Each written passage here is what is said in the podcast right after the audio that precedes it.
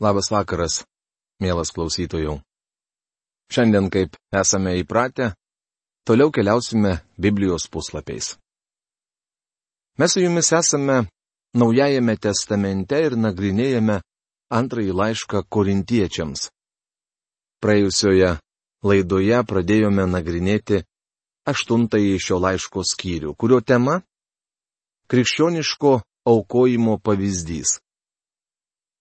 Mes su jumis apžvelgėme pirmasias keturias eilutes.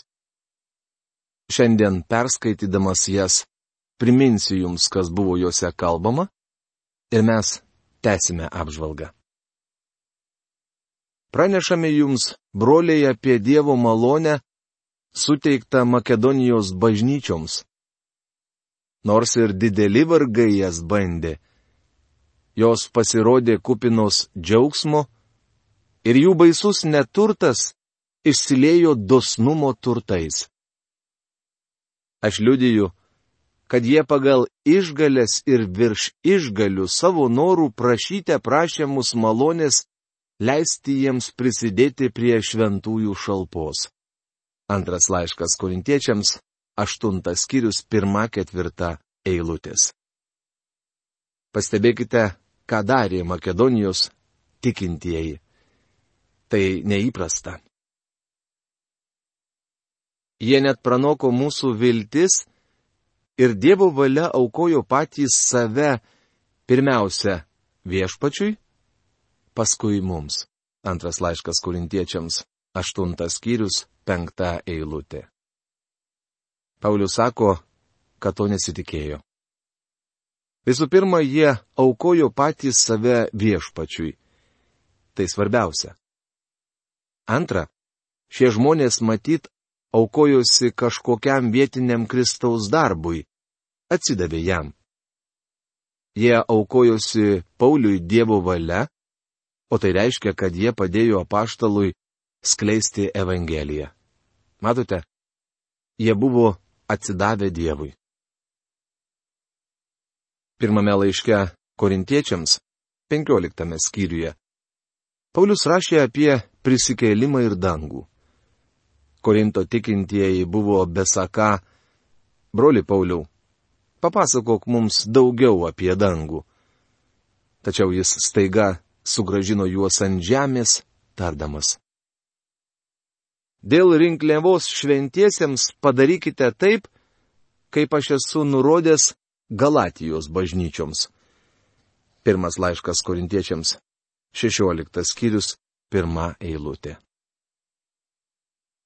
Paulius norėjo prabilti jiems praktiškai.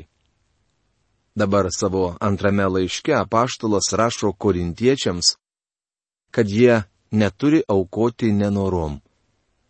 Makedonijos bažnyčios aukojo kupinos džiaugsmo ir jų baisus neturtas išsiliejo dosnumo turtais. Na ir reginys. Dievas myli linksmą davėją. Čia matome linksmo aukojimo pavyzdį. Tai buvo tikra bendrystė. Makedonijos krikščionys dalinosi tuo, ką turėjo. Jie buvo skolingi motininiai Jeruzalės bažnyčiai už visus dvasinius palaiminimus. Iš jų jie buvo gavę gerąją žinę. Taigi dabar šie žmonės norėjo atsilyginti sunkioje padėtyje atsidūrusiai motininiai bažnyčiai materialiomis dovanomis. Laiško Galatams šeštos skyriaus šeštoje eilutėje Paulius rašo. Kas mokomas žodžio, tegul dalyjasi savo gerybėmis su mokytoju. Tiksliau tai reiškia, mokėk savo pamokslininkui. Tai reiškia, bičiuli, kad turite remti darbą, iš kurio semėtis dvasinio peno. Vienas žmogus, palikęs viešpaties bendrystę, pradėjo klausytis mūsų radio programų ir Dievo žodis sugražino jį pas viešpatį. Šiandien organizacija Through the Bible yra įsikūrusi jo dovanotame pastate. Jis kaip ir dera tikinčiajam, atidavė mums šį pastatą su džiaugsmu, linksmai. Neturėtume aukoti nenoriai arba todėl, kad jaučiame pareigą tai daryti. Turėtume trokšti savo aukomis pasitarnauti tam, kad Dievo žodis pasiektų kitus. Prisiminkite, kad viešpats Jėzus stebėjo šventykloje aukojančių žmonės. Manau, jis tai daro ir šiandien. Daugelis turtingųjų aukojo gausiai, bet štai atėjo vargšė našlė ir įmetė skatiką. Viešpats sakė, kad jį įmetė daugiausiai iš visų. Našlė iš savo neturto atidavė visą, ką turėjo. Palyginus du smulkius pinigėlius su visais šventyklos turtais, jie buvo nieko verti. Tačiau viešpats Jėzus parodo mums Dievo įvertinimą. Ir jis tarė. Iš tiesų sakau jums, šita neturtinga našlė įmetė daugiau už visus. Anie visi metė jaukų skrynę iš to, kas jiems atlieka, o ji iš savo neturto įmetė viską, ką turėjo pragyvenimui. Rašoma Luko Evangelijos 21 skyriaus 3-4 eilutėse. Girdėjau istoriją apie Škotijos bažnyčią, kuri rinko pinigus naujam pastatui. Vienas šios bažnyčios narys buvo garsus turtuolis. Sklido kalbos, kad jo kapitalą sudarė 50 tūkstančių svarų sterlingų. Šis tipiškas škotas, kaip ir daugelis iš mūsų, buvo gana šykštus. Atėjęs jo aplankyti, diakonas paklausė. Brolau, kiek ketini paukoti naujam bažnyčios pastatui? Škotas atsakė, na, našlės skatiką įmesiu. Per kitą susirinkimą diakonas pareiškė, broliai, mes turime visą reikiamą pinigų sumą. Šis brolis paukos 50 tūkstančių svarų sterlingų. Škotas išputė akis. Aš nežadėjau duoti 50 tūkstančių. Sakiau, kad paukosiu našlės katiką. Diekonas atsiliepė, juk jie atidavė viską, ką turėjo. Maniau, tu ketini padaryti tą patį? Įdomu, kad Dievas žiūri ne tik į tai, ką duodate, bet ir į tai, ką pasilaikote savo. Kitoje bažnyčioje buvo renkamos aukos statybų programai. Žmogus apsilankęs pas vieną iš bažnyčios narių jo paklausė. Broli, kiek ketini paukoti? Šis atsakė, Manau, nieko nepajusiu, jei paukosiu 10 dolerių. Bažnyčios tarnautojas tarė, tuomet brolau gal tau reikėtų paukoti 20, kad pajustum. Matote, bičiuli, palaiminimas ateina tik tuo met, kai jaučiate, kad aukojate. Štai ką reiškia žodžiai - palaimingiau duoti, negu imti. Makedonijos tikintieji atsidavė Dievui. Mano draugė, jei Dievas neturi jūsų, jam nieko iš jūsų nereikia. Jei jis neturi rankos, tai jam nereikalinga ir dovana, kuri yra toje rankoje. Štai kodėl mes paprašėme Titą, kad pas jūs tą gerą darbą pradėjęs jį ir užbaigtų. Antras laiškas Korintiečiams aštuntas skyrius šešta eilutė. Paulius sako, kad malonė, skatinusi veikti Makedonijos tikinčiuosius, turėtų skatinti aukoti ir korintiečius. Bet kurį žmogų galima ištirti pagal tai, kaip jis duoda. Kažkas yra pasakęs, kad garbinimo tarnavime būtina turėti tris knygas - Bibliją, Giesmyną ir čekių knygelę. Aukojimas yra Dievo garbinimo dalis. Jei stokojame aukojimo malonės, turėtume prašydami Dievo, kad Jis suteiktų mums dosnumo ir pasiaukojimo dovaną. Paraginimas krikščioniškai aukoti. Tad būdami visako pertekę - tikėjimo, žodžio, pažinimo, visokiojopo uolumo ir mūsų meilės - pasirodykite pertekę ir dosnumo. Antras laiškas korintiečiams, aštuntas skyrius, septinta eilutė. Kosto burbulio Biblijos vertime ši eilutė baigėsi taip. Būkite pertekę iš šios malonės. Paulius giria korintiečius.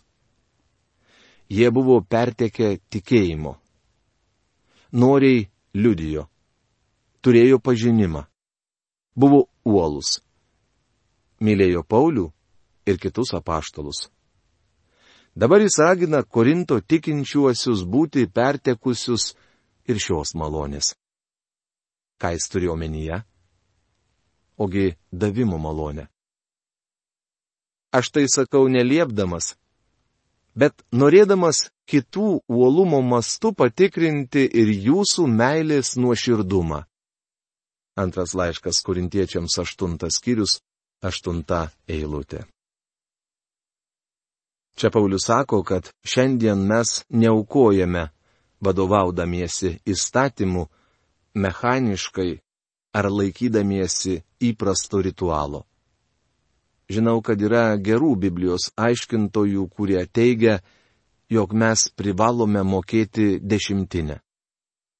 Akivaizdu, kad Senojo testamento laikais dešimtinė vaidino labai svarbų vaidmenį. Tačiau jei iš ties atidžiai patirinėsite šventą įraštą, pamatysite, kad žmonės mokėdavo tris dešimtines.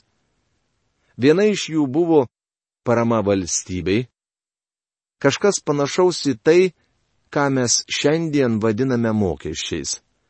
Taigi šiandien dešimtinė nėra krikščioniško aukojimo pagrindas.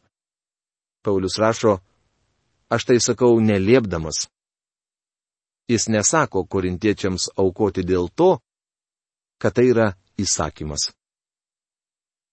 Apaštalas ragina juos dalintis tuo, ką turi, dėl dviejų priežasčių.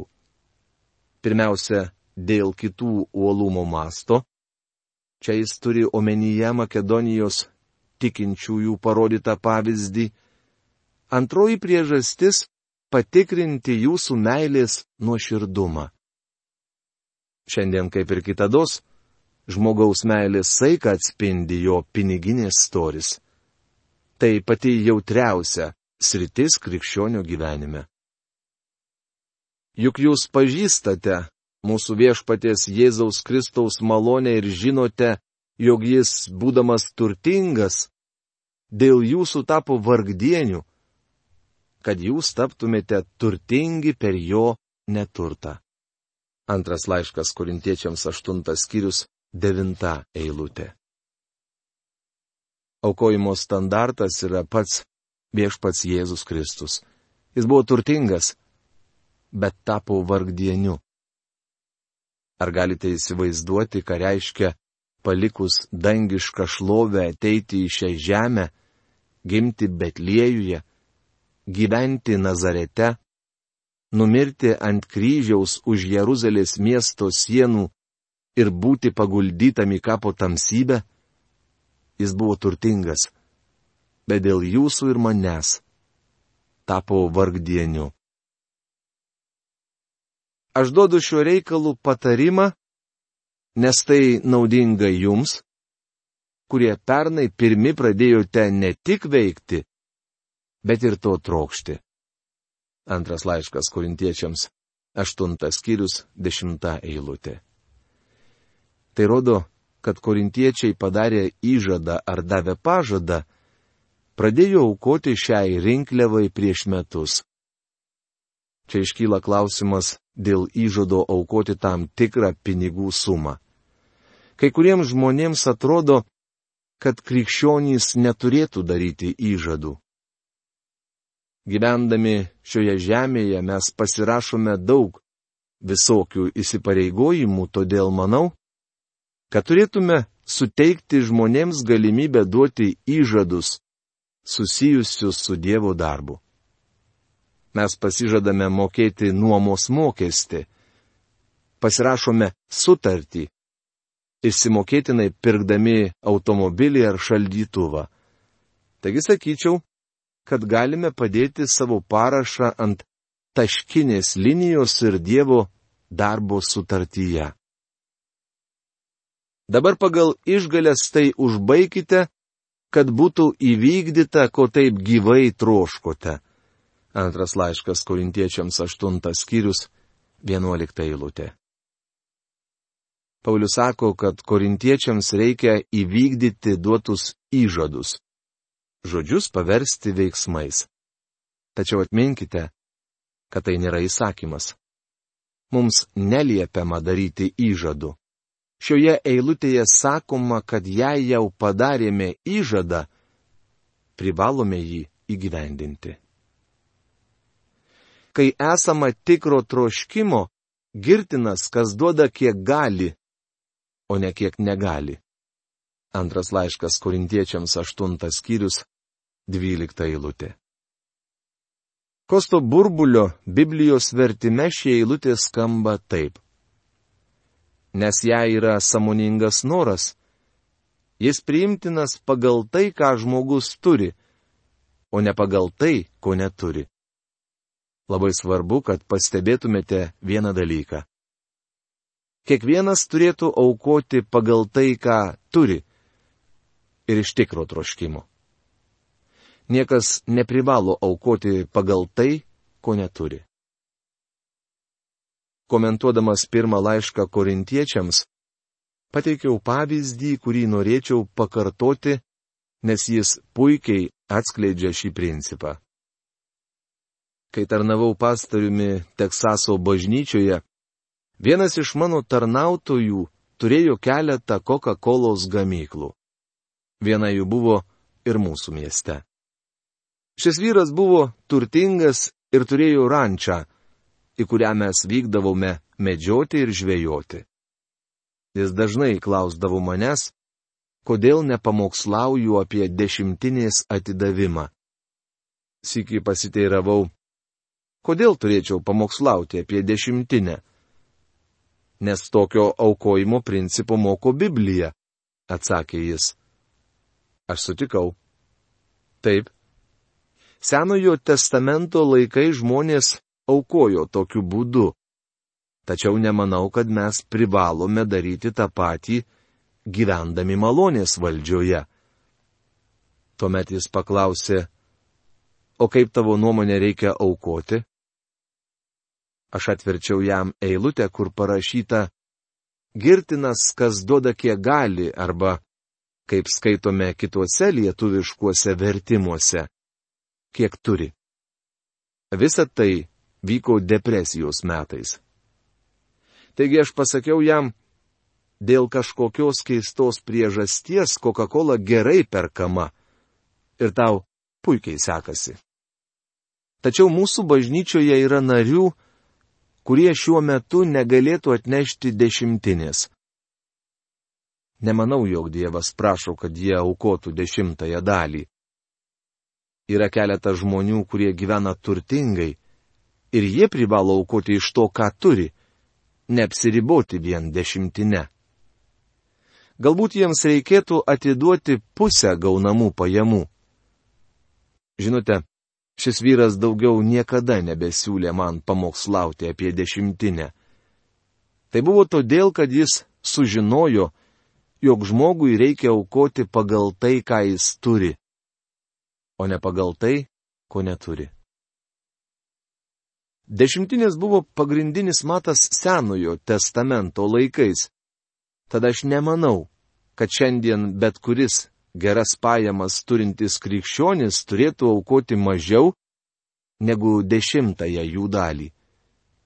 Šiais gerovės laikais krikščionims reikėtų aukoti daugiau negu vien dešimtinę.